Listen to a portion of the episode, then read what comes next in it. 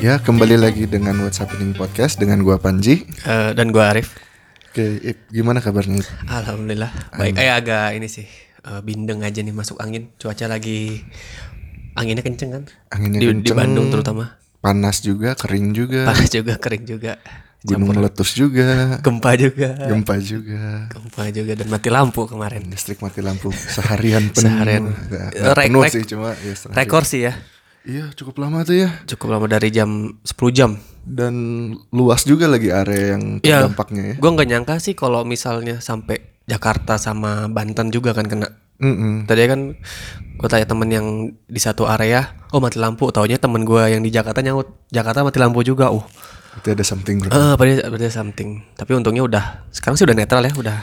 Ya, ini hari- mudah-mudahan udah bisa normal lagi ya. Eh, tapi udah sih dia apa eh, Update terbaru update terbarunya karta eh, pelaksana tugas di rut PLN-nya udah udah normal. Kalau hari kemarin kan ini kita ngerekam hari Selasa tanggal berapa nih? 6 eh 6. 6 Agustus. Kalau sekarang udah normal, kalau kemarin-kemarin kan sempat ada apa sih namanya tuh? Pemadaman bergilir. Oh iya, Jadi untuk meringankan beban. ya meringankan beban di PLN-nya. Hmm, hmm. Sampai kita mau rekaman gak jadi kemarin Iya. mati lampu ya. Kita ke cancel mulu gara-gara mati lampu. Oke, eh Yang lagi lu baca apa nih, Ip? Kayaknya ada yang menarik nih. yang menarik ini ini sih. Akhirnya Jihyo sama Kang Daniel resmi pacaran. Wah, berita dari K-pop nih. Iya, itu selingan doang sih kemarin rame di di Twitter hits banget tuh sampai trending. Kang Daniel dan itu. Sama paling aduh yang sebenarnya nih gua nggak lagi nggak pengen ngebahas ini orang nih. Cuman tapi dia berulah nih. Siapa tuh? Lord Trump. Wow. Ini kita cuma nggak ngebahas. lagi? Dia tuh nge-tweet hari apa ya? Kayak weekend deh. Kalau dia tuh mau eh, karena kan perang dagang ini kan negosiasi ulang Yang dengan Cina ya? eh, dengan Cina dan kemarin kan sempat udah perwakilan Amerika datang ke Cina Mhm. eh, berunding terus hasilnya tuh kurang memuaskan untuk Trump. Jadi banyak ada kesepakatan kayak Cina kan berjanji untuk eh, beli kedelai lebih banyak. Ya. komoditas kedelai lebih banyak tahunnya nggak ditepati. Dan kata Trumpnya sih seolah-olah Cina tuh nggak ingin adanya nggak ingin adanya kesepakatan gitu. Jadi kayak ngeresisten gitu. Oh. soal tapi gue nggak tahu. Mungkin sensi juga Trump karena kelamaan berunding kali ya. Jadi dia dia nge-tweet eh dia ngasih tahu kalau 1 September tuh bakal Amerika tuh bakal naikin tarif lagi ke Cina sebesar 10% Waduh. Heeh, itu makanya sempat kaget juga. Dan kemarin hari Senin Senin banget ternyata Cina ngebales. Ngebalesnya itu dia dengan mendevaluasi mata uangnya. Jadi mata uangnya dibuat lebih murah per dolarnya tuh. Gitu itu Agar? agar supaya barang-barang yang dari Cina tuh lebih murah lagi gitu. Walaupun kena tarif tapi tapi eh, tetap bisa dibeli gitu sama Amerika gitu Strateginya Eden juga. Eh, dan emang emang setelah Trump ngumumin itu tuh dia eh, apa Cina tuh bilang kayak ya kita bakal ngebales tapi nggak tahu ngebalas dengan cara apa. Ternyata Gitu. dengan Ternyata dengan mendevaluasi mata uang dan Trump sempat marah juga kan. itu agak ekstrim ya sebenarnya langkah itu enggak Sebenarnya eh, atau masuk akal masuk akal sih kalau dia ingin apa eh ingin perdagangannya tetap jalan gitu Iya, ya. perdagangan. Jadi dengan kalau misalnya dia naikin tarif juga kan bisa digugat sama Amerika lewat WTO. Oh iya benar. gitu. Makanya dia mendevaluasikan eh, mata uang. Jadi kayak kalau Trump bilang tuh manipulating currency gitu. Oh currency manipulation. Ah, ya currency ma- manipulation gitulah. Jadi ya agak chaos juga sih gua kemarin-kemarin itu tentang pasar modal gitu gitu. Karena kan kalaupun eh, de- apa Cina mendevaluasi mata uang kan barang-barang Cina berarti lebih murah. Iya. Itu nggak ngaruhnya tuh nggak ke Amerika doang. Otomatis kan kayak kita importer importer kan beli dari Cina makin gede. Iya. Ya gitu. Jadi lebih lebih apa? Lebih meluas gitu dampaknya tuh nggak ke antara Amerika dan Cina doang gitu gitu. Hmm, benar-benar ya. Jadi ya itu selingan aja sih untuk Jadi justru bisnisnya bisa meningkat dari segala penjuru ya Cina dengan Iya, barangnya jadi dijual eh, murah jadi dengan eh, barangnya bisa lebih murah dari misalnya di Indonesia atau di Malaysia atau di negara lain gitu sehingga ya ningkatin ekspor Cina juga. Emang Cina lagi butuh stimulus kayak gitu sih Wow. demi menghadapi. Tapi kaget juga sih dengan padahal Cina udah berjanji nggak mau nggak mau mendevaluasi mata uang ya sih di depan Trump. Ya mungkin karena Trumpnya juga memaksa langkah itu mungkin ya. Bisa jadi sih karena memicu. Tapi mendevaluasi ini ini sebenarnya kayak nggak langsung gitu loh. Jadi kayak eh, kan biasanya emang Cina tuh ngatur mata uangnya. Ya. Cuman sekarang dilepas gitu. Dilepas oleh ke pasar jadi se- jadi turun sendiri sebenarnya. Cuman terlihat seperti itu mendevaluasi mata uangnya gitu. Hmm. Tapi ini butuh koreksi sih sebenarnya belum belum belum belum apakah itu kayak gitu atau eh de- devaluasi itu dengan cara nerbitin yuan ya eh yen eh Yuan. yuan ya yuan, lebih banyak gitu gitulah ya belum ini masih kayak berlangsung gitulah belum belum ada apa reaksi dari Trumpnya gitu gitu Hmm. terus Terus? eh paling minggu kemarin sih kak Mhm. ini ada panutan gue sih orang ini tuh CEO SoftBank Maya Soshisan Nah, ya Sosishan. Maya ya Maya Sushi. Ya, CEO SoftBank tuh datang ke Indonesia untuk investasi. Waduh, Jadi investasi ke siapa nih? Eh, investasinya ke startup sih, ke Grab, ke Grab Indonesia. Hmm. Nilainya tuh cukup gede juga sih. Itu 2 miliar dolar. 2 miliar Kalau kalau dolar. dirupiahin tuh berarti sekitar 28 triliun. Untuk satu perusahaan itu. Untuk satu perusahaan dan emang SoftBank ini nyuntik supaya Grab Indonesia jadi unicorn kelima. Gitu sebelumnya kan udah ada unicorn. Nah sebenarnya SoftBank ini ya gue juga kaget Mhm. kenapa si CEO SoftBank ini datang pertama ke Indonesia apa maksudnya Dia secara personal datang ya? berarti? personal ke Pak Jokowi juga dia ke istana Waduh. Hmm. emang ingin apa invest lebih lah di Indonesia. Jadi emang sebelumnya ini si SoftBank ini eh, berniat untuk ngumpulin duit dari investor lain gitu. Jadi dia kan ini perusahaan investasi. Jadi Iya. dia dia ngumpulin investor-investor untuk diinvest di dia. Nanti dia investasi dia investasikan lagi gitu. Mhm. Nah, dalam pendanaan pertama tuh kan dia dapat sekitar hampir 100 miliar US dollar. US dollar. Nah, itu investor gede itu dari Timur Tengah kayak dari Arab Saudi gitu. Karena mereka minyaknya mulai turun ya. Ah, dia alternatifnya gitu. Diversifikasinya. Nah, sekarang nih dia menggalangkan dana untuk eh, apa? sesi duanya lah gitu. Nah, dia akhirnya ini dapat pendanaan sekitar 108 miliar US dollar dari apa? Dari salah satu itu dari dari Microsoft, dari apa? Apple, terus dari Foxconn. Foxconn tuh yang rakit Apple. Iya. Nah itu, nah terus sama si SoftBank Group ini nanti diinvestasiin. Nah salah satunya nih untuk tahap pertama nih mereka invest 2 miliar dolar tuh ke ke Grab, ke Grab Indonesia gitu. Dapat suntikan dana segar. Iya, wah segar banget itu mah. Segar banget. Makanya nggak aneh nih kalau misalnya nanti-nanti Grab nih pasti bakal banyak promosi atau cashback deh. Gua berani bertaruh sih.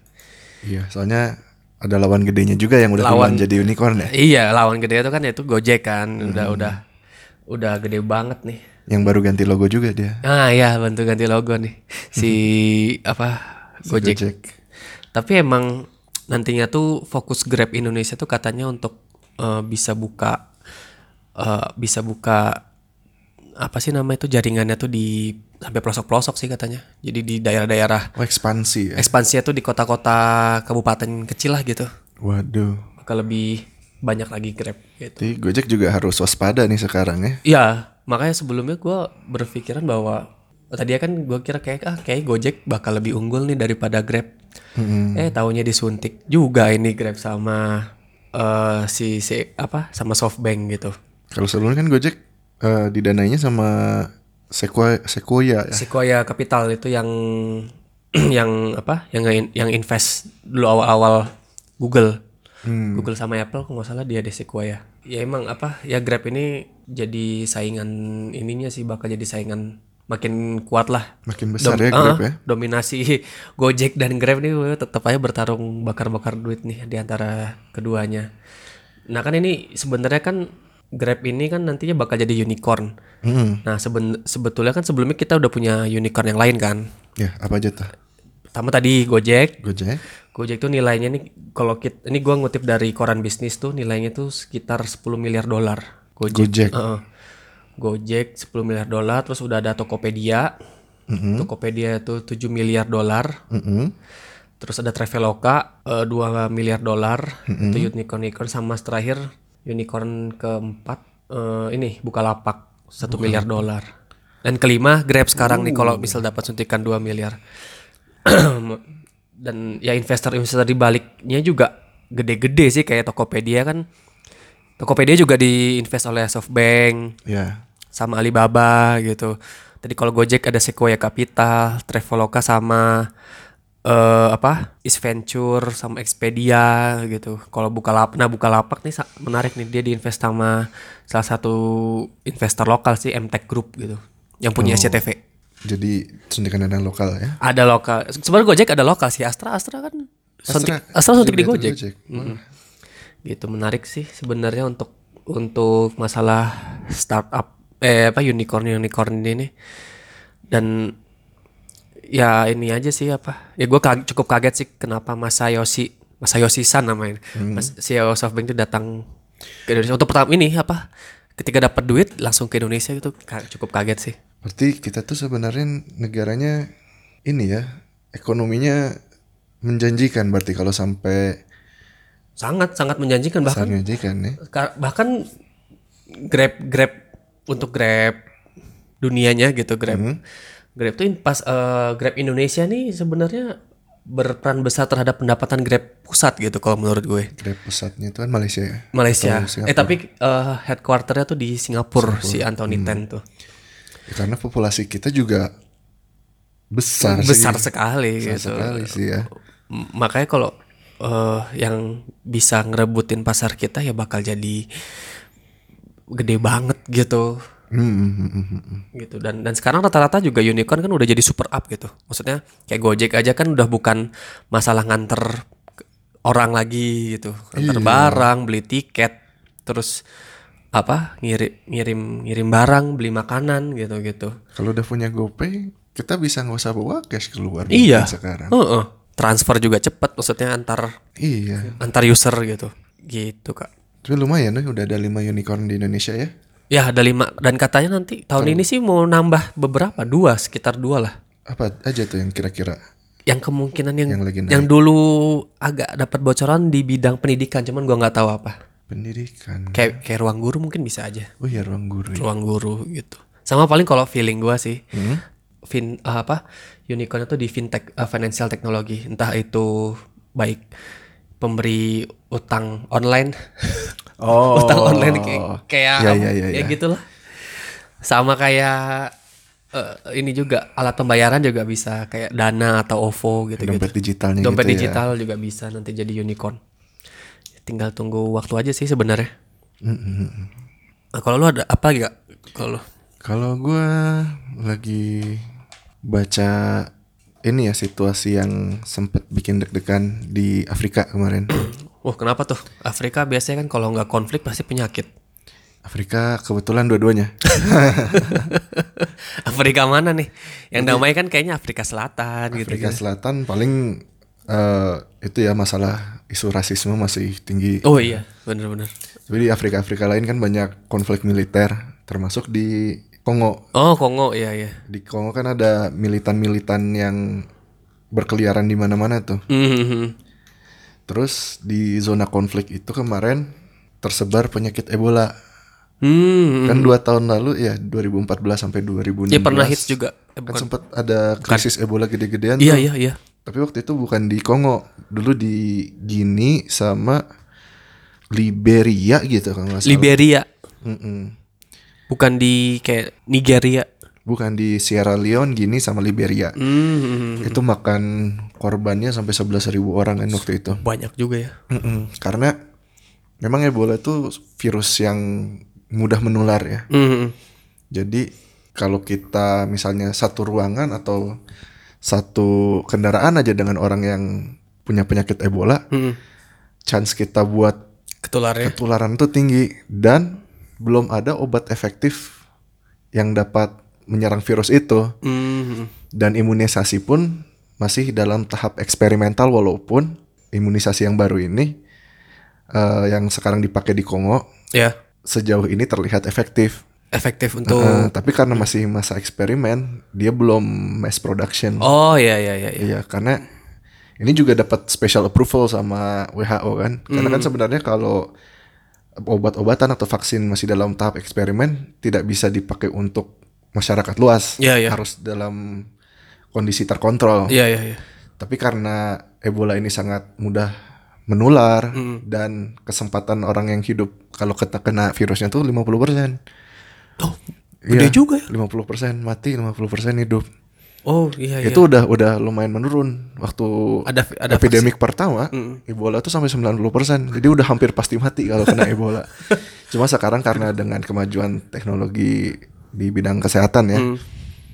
bisa diturunin tapi turunin juga tetap 50% ada chance untuk mati juga gitu ya. iya jadi memang baiknya sebelum dapat virusnya divaksin Sebelum dapat virusnya. virusnya Oh, divaksin jadi kayak kayak vaksin kita waktu kecil gitu ya, ya, polio gitu-gitu. polio, Hmm. itu kan kayak rubella, itu Rubella, kan iya. jadi biar waktu ada virusnya tubuh kita udah siap buat ngelawan virusnya jadi virusnya nggak berkembang biak Hmm. Kalau virusnya udah berkembang biak, ya udah deh sakit. Dan kalau sakit itu kesempatan Sakitnya hidupnya tuh- 50%. Sakitnya tuh kayak berupa demam gitu. Nah itu juga yang bikin sulit identifikasinya ya. Karena gejala-gejalanya tuh mirip dengan malaria, mirip Hmm. dengan penyakit umumnya yaitu demam, pusing, kadang-kadang bisa eh, gusi berdarah, Gusi berdarah. kadang-kadang. Tapi eh, gejala umumnya ya kayak malaria aja kayak cuma meriang, lemas, Ya, ada, pusing, dem nggak ada nggak ada nggak ada kalau kayak demam berdarah kan dulu eh kotoran kita yang keluar kan ada darahnya, Iya, iya. terus ada gejala-gejala khusus lah mungkin kalau beberapa Trombosit naik ya. gitu-gitu ya. Iya, kalau ini nggak ada cara untuk identifikasinya itu masih belum ada yang jelas gitu ya Iya, iya. virus ini tuh. Makanya sulit juga, makanya banyak orang yang mengira ah ini mah demam biasa, ah ini sakit biasa. Begitu penyakitnya udah parah, baru ketahuan itu Ebola dan udah sulit untuk Sembuhin. disembuhin. Diantisipasi juga udah udah Mm. Dan di Kongo ini kan udah setahun virus ini pak ada gitu. mm-mm, aktif. Itu udah memakan korban 1.800 orang. Wow. Tapi itu tuh masih di daerah-daerah terpencil, daerah-daerah konflik. Hmm, daerah kenapa? Heeh, makanya kenapa virus ini sulit untuk dihapus, dimusnahkan karena menyebarnya di daerah konflik Hmm. yang banyak militannya. Jadi pekerja-pekerja kesehatan yang ingin membantu rakyat Hmm. di sana dicurigain sama militan-militannya, disangka mata-mata lah, disangka Oh, pro eh, pemerintah pro gitu. pemerintah. Jadi kayak tenda-tenda kesehatannya dibakar. Oh, ada resistensi dari militannya juga gitu ya. Ada. Dan dari warga lokalnya juga ada Oh, yang mengira gitu. kayak ini kayaknya bohongan deh. Oh iya iya. Ini mah kayaknya ada apa? Kayak ada propaganda pemerintah gitu Iya, iya, iya, untuk mengontrol rakyatnya. Hmm. Dan yang bikin sulit lagi karena Ebola itu kan setelah orangnya meninggal virusnya masih ada, Masih nempel. masih nempel. Ya Virusnya nggak nggak langsung mati. Jadi kalau kita menyentuh mayat yang orang terkena Ebola, Heeh. Kita juga bisa Ada ketularan. Nah, sosialisasi dari dari dokter-dokter Hmm. itu tidak diindahkan oleh masyarakat karena ya mereka punya ritual sendiri gitu kan misalnya eh keluarganya meninggal kan pengen dipeluk, pengen di apa Iya, iya. untuk ya mengungkapkan rasa sedihnya gitu Iya, kan. mengenang Padahal itu tuh nggak boleh karena itu bisa Menular. menular. Jadi kalau orang yang kena Ebola dikuburnya juga harus dimasukin ke plastik gitu, Hmm. plastik khusus biar virusnya nggak ke mana-mana. Iya iya iya. Dan warga-warga lokal yang sudah terbiasa dengan ritual pemakaman yang mereka punya kan Hmm. nggak mau digituin Iya, kayak loh ini kayak nggak menghargai orang yang mati banget kenapa harus ditutup, Oh, ditutup, gitu kayak iya, iya. ini orang najis aja atau apa padahal Itu tuh untuk itu kan untuk kepentingan kesehatan umum ya. iya iya iya. Nah, sejauh ini karena virus itu tersebarnya di daerah-daerah terpencil, belum ada situasi yang membuat ini tuh gawat gitu. Hmm. Tapi ad- kemarin ini ada dua orang di salah satu kota besarnya Hmm. di Kongo itu yang bersebelahan dengan Ibu kota ya? Rwanda. Bukan ibu kota, cuma dia kota bisnis, kota trading, kota apa sih ya? Pasarnya gitu. Pasarnya gitulah Oh, aktivitas ekonomi besarnya di besar Rwanda. karena dia kan eh, kota itu bersebelahan dengan perbatasan ke Rwanda Hmm. kota perbatasan jadi banyak orang keluar masuk Oh, yang oh, dari tapi Kongo bukan di ke Rwanda. bukan ke Rwandanya. Bukan di Rwandanya masih di Kongonya. Oh, masih di Kongo.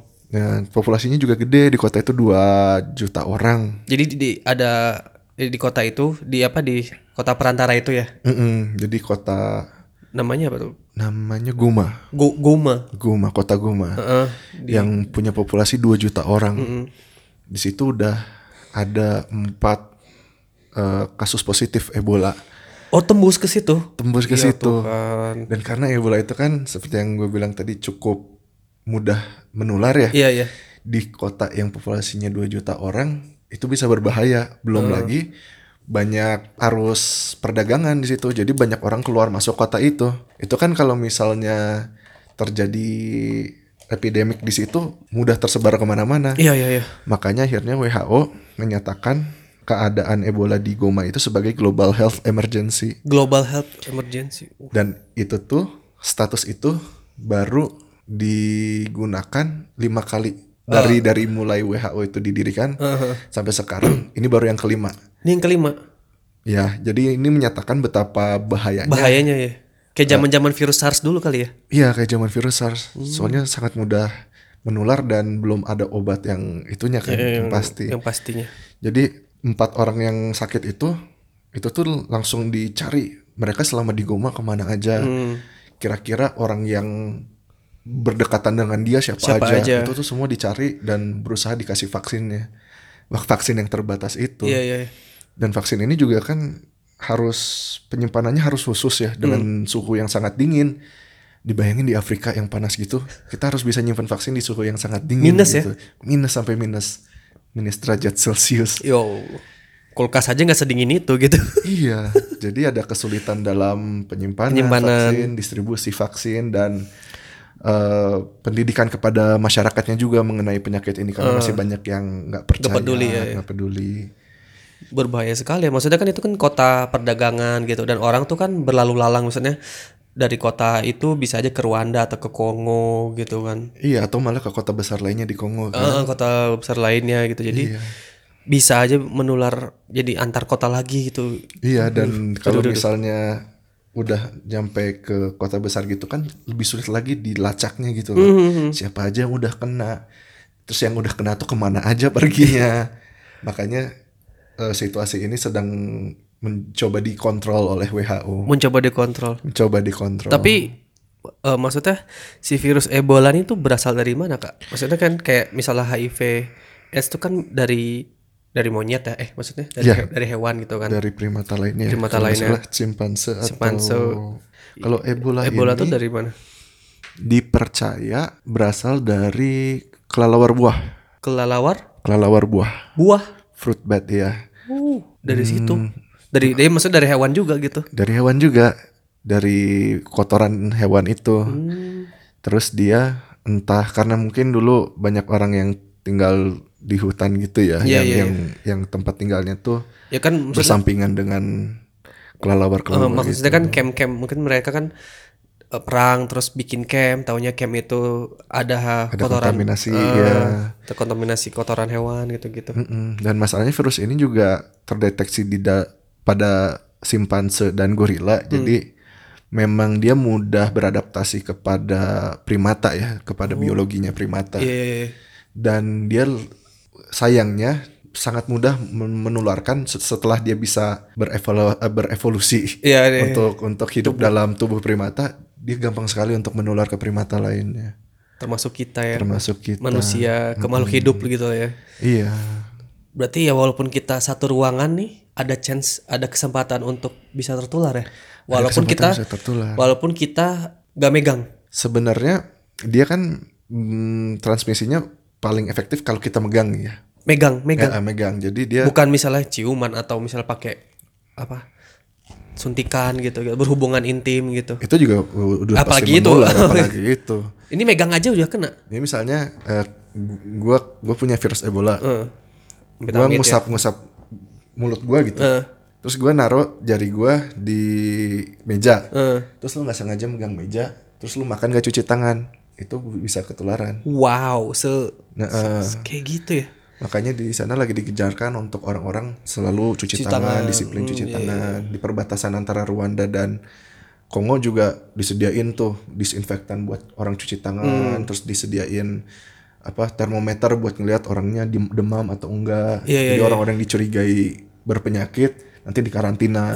Dulu kan kayak di Singapura tuh sempat bandaranya tuh ada detektor kayak gitu kan Ebola kayak gitu karena kan Singapura eh, maksudnya Singapura tuh kan tempat transit seluruh banyak penerbangan gitu Iya, kan yang rawan Changi Airportnya kan Changi Airport. hub gede ya. Iya ya, jadi di di apa namanya tuh pakai alat pendeteksi supaya gak terjangkit Ebola.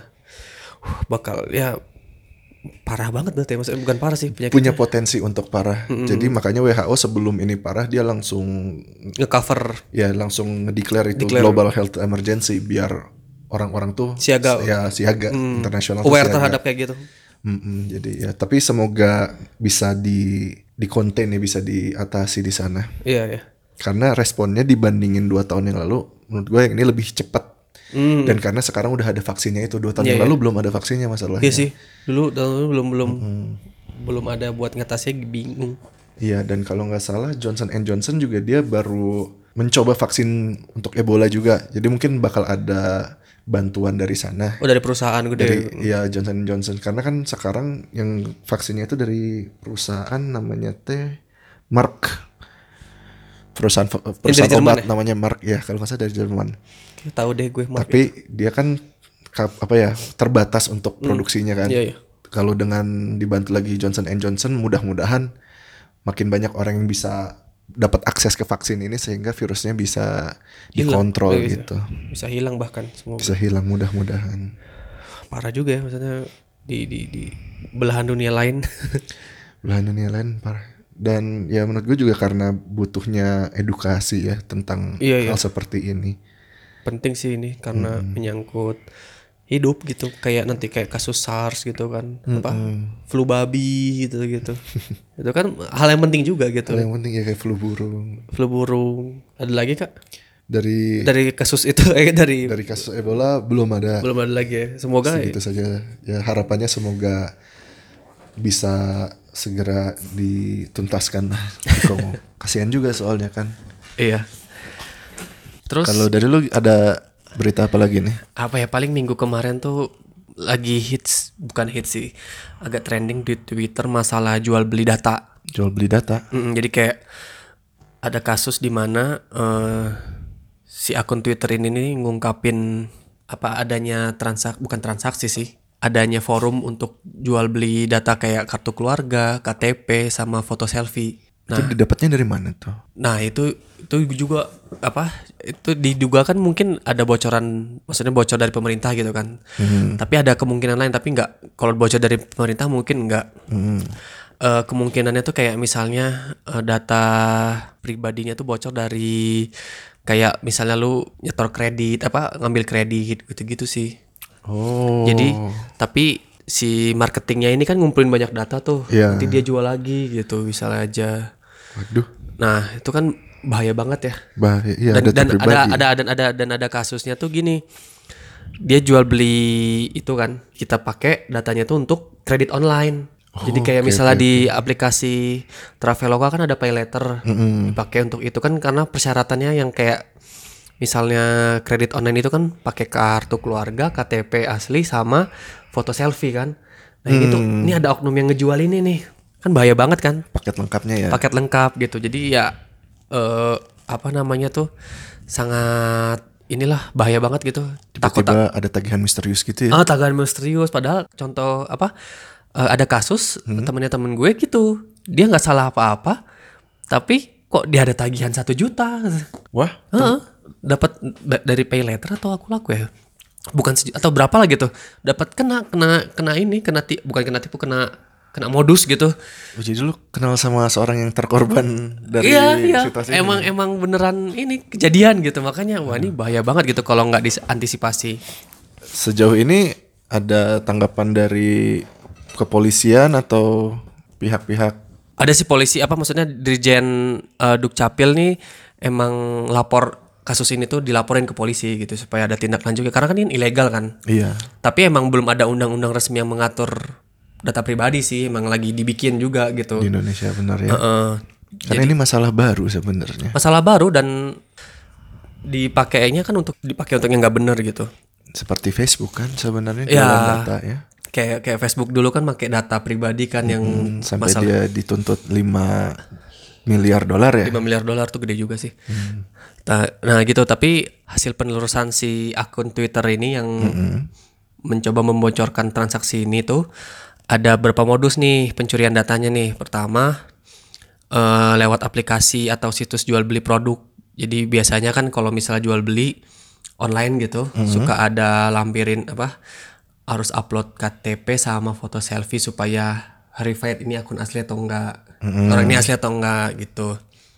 Terus yang kedua dengan eh, membuat situs lowongan kerja palsu. Nah ini bahaya juga sih. Situs lowongan kerja palsu. baik itu situs lowongan kerja atau bukan ya maksudnya kayak situs misalnya dia yang eh, yang lain gitu bukan lowongan juga juga bahaya sih kalau misalnya kita masukin KTP sama foto kita gitu. Mm-mm. Ketiga membuat aplikasi eh, ini aplikasi palsu kayak cek KTP nah itu bahaya juga. Yang ada di kayak Play Store gitu ya dia. Eh, itu tuh bahaya tuh. Jadi jangan sembarangan inilah ngupload ngupload gitu. Mm-mm. Terus modus SMS. Nah Masih ada yang kemakan modus SMS. ini ya, kalau orang-orang yang maksudnya di luar daerah kota gede mungkin masih aja kan. Iya, benar juga Kayak sih. saudara kita kan pernah hampir ketipu. Maksudnya yang masalah eh, apa menang hadiah gitu gitu ada yang pernah kena. Oke, oke. itu oke. kocak sih tapi ya gimana ya kok bisa ketipu gitu terus eh ini kelima nih agak agak nekat sih ini pelaku datang si oknum ini nih datang ke desa atau kampung untuk menawarkan beras gratis nah salah satunya tuh untuk modusnya biar dapat beras gratis tuh untuk foto KTP dan foto pribadi Jadi dia datang ke kampung. iya ke desa-desa Ke gitu, desa-desa. eh, bawa beras gitu Tapi kasihan jadi yang ditargetinnya orang-orang yang mungkin kurang mengerti. iya akan- literasi terhadap digitalnya tuh kurang gitu Nah, bahaya sih kurang ajar juga nih Oh, orang. iya jadi di Facebook tuh di, di, di- diliatin gitu. Gue butuh data ini nih ada punya berapa? Oh ada seribu gitu. Sebenarnya kan modus kayak gini tuh udah ada lama nih. Iya. Ya kan kalau lu kalau kita tahu nih. Jadi dari zaman-zaman yang suka ada SMS nyasar, mama minta pulsa. Iya, iya. Nah, itu kan dulu modusnya gini kalau yang gua tahu. Jadi kok kan dulu kita kan belum ada mobile banking nih. Iya. Beli pulsa. Iya. Masih di counter apa? Iya, harus beli ke konter. Eh, misalnya di Mega seluler atau apa seluler lah gitu. Nah harus beli di situ kan. Iya. Terus kita nulis nih nomornya berapa nominalnya. Nah nanti si abang-abang konter ini biasanya ngejual data itu untuk Ngejual nomor kita Ah, kan? ke marketing gitu. Nah ini baru itu HP doang gitu. Kalau sekarang kan pakai kakak fotokopi apa kartu keluarga KTP asli gitu yang Iya, iya. yang menurut gue bahaya banget sih makanya gue agak membatasi lah gitu foto sama upload upload ke atau apa KTP gitu karena bahaya bisa disalahgunakan Memang harus itu tuh harus menjadi rahasia kan sebenarnya Iya, nomor, iya. nomor KTP kita. Tapi kalau kita pakai aplikasi online sekarang juga kadang-kadang kan harus mencantumkan nomor ya nomor identitas, identitas gitu-gitu nama. Tapi menurut gue selama kita nggak harus ngasih foto KTP-nya asli sama foto wajah kita, mestinya agak lebih aman ya. iya iya benar Tapi kemarin gue mau daftar GoPay yang premium harus Iya, ngasih foto KTP sama foto selfie. ya gue juga GoPay kalau apa kan yang GoPay itu kan untuk nyairin eh maksudnya deposit kan gampang ya Iya. cuman kalau mau tarik tarik Iya, dana dia untuk untuk fitur-fitur advance-nya ya harus harus gitu kan kita harus daftar kan daftar verifikasi. upload fotokopi eh upload foto KTP sama selfie ada gak sih So, kalau gue sama selfie. sama selfie oh gue juga Makanya begitu dengar berita ini gue langsung deg-degan ntar muka gue sama KTP gue gimana kabarnya? Iya, makanya gue juga dan gue kan belum daftar kayak pay letter atau akun yang lain ya takutnya tuh di salah gunain gitu loh. Jadi tiba-tiba ada tagihan sejuta gitu kan dosa apa kita? Polisi juga gue nggak yakin udah punya cukup. Cara? Iya punya cukup. Oh, ininya ya divisi cybernya Oh, yang cyber. bisa ngelacak ini sampai tuntas gitu loh. iya iya. Paling cuman dari kayak akun siapa yang di ini yang nyebarin ini, sih cuman ya gue juga pernah sampai karena kan apa sampai hampir ke ini sih data bank gitu kan sampai ditelepon Iya. penipuan bank tuh kan sangat ini Gue bukannya nggak percaya sama divisinya polisi, cuma ini kan kasusnya tuh kecil-kecil tapi ke mana-mana gitu loh. Iya, iya, menyebar. Karena volumenya ini pasti akan kewalahan deh menurut Iya, iya. Dan bisa aja ada orang yang emang benar-benar dia ngutang, terus dia memanfaatkan situasi ini kayak masa saya nggak ngutang tiba-tiba ada ada tagihan, Iya. padahal dia ngutang gitu Iya, kan. dan- untuk untuk verifikasi yang mana yang kasus benar, yang mana enggak itu kan butuh, butuh personel, butuh bener, waktu. bener bener dan apalagi kayak misalnya kita nggak make nih utangnya terus kita nggak bayar kan ada kena denda Iya. dendanya juga bisa berkali-kali lipat terus kayak yang sekarang-sekarang kan ancamannya tuh kan kadang kalau misal kita nggak bayar kredit online tuh kan bisa dipermalukan gitu ya kan? Iya, makanya. kayak disebarin oh ini ada utang gitu. Gitu kan malu-malu juga gitu. Ya, ini sih yang maksudnya ini lahan yang sebenarnya teknologi ini bagus ya. Teknologi bagus. si namanya kan peer to peer lending nih fintech lah gitu. Apa financial technology. Cuman kalau disalahgunakan kayak gini nih jadi kayak udah sama kita undang-undangnya belum kebentuk gitu kan. Undang-undang data pribadi undang-undang terhadap financial technology gitu terus ya mau dipakai pasal apa gitu? Kalau misalnya mau nuntut si pelaku yang jahatnya gitu. Iya, teknologinya udah terlanjur maju sebelum undang-undangnya sebelum regulasi bisa, ya, eh, regulasi sebelum regulasi terbentuk gitu. Jadi ya eh ya harus hati-hati aja sih sekarang untuk upload data-data karena emang banyak orang gini nih nyalahgunain data. Ya memang. Gitu. ah, segala sesuatu teknologi itu memang harus digunakan dengan bertanggung jawab ya secara bertanggung jawab. Bener-bener karena segala sesuatu yang positif tuh bisa aja dipakai untuk yang negatif. iya ada, ada aja celah. orang yang yang utak-atik jadi "Huh, apalagi orang Indonesia kan suka iseng gitu. Iseng itu kadang iseng negatif gitu jadi ya. Semoga ada eh ini sih kejel- maksudnya ada ada inisiatif dari pemerintah juga untuk bisa em, memberantas yang kayak gini-gini gitu karena ini masalah data pribadi gitu sensitif. Karena kan KTP sekarang langsung bis apa maksudnya KTP sekarang tuh kan identitas kita untuk ke mana-mana gitu. Iya. daftar ke bank pakai KTP daftar misalnya apa apa mobil atau motor KTP gitu gitu. Data data penting lah gitu. Ya semoga pemerintah bisa cepat ngejar regulasinya ini ya. Mm, pemerintah juga dan DPR sih. Harus jadi jangan di pemerintah. Kasihan pemerintah disalahin mulu padahal DPR-nya juga DPR-nya juga kan yang yang bikin undang-undang kan DPR maksudnya yang ngesahin jadi jadi semoga DPR juga bisa cepat me- apa menggodok RUU data data pribadi gitu Iya, kayaknya setiap ada teknologi baru harus cepat-cepat dikaji ya kalau menurut gua. Mm, mm, mm. Karena memang eh, perusahaan-perusahaan dari Silicon Valley juga kan banyak yang sekarang-sekarang ini dituntut dikritik ya. dikritik sama Mm-mm. Karena dulu kan moto mereka move fast, break things, terus deal with it later. deal with it later kan move fast, break things, pokoknya disruption dulu. Iya, iya, Nantinya gimana terserah. Yang penting kita maju dulu maju gitu. dulu ya ya tanpa memikirkan banyak konsekuensi negatif segala macamnya. Makanya kayak Google sekarang juga mulai hati-hati. Iya, iya. Facebook juga Facebook juga dituntut-tuntut mulu. oh, di mana-mana dikasihan dituntut Amazon juga ini makin gede makin gede makin banyak yang nyerang nih kayaknya. oh ya untuk di Amerikanya sih Iya.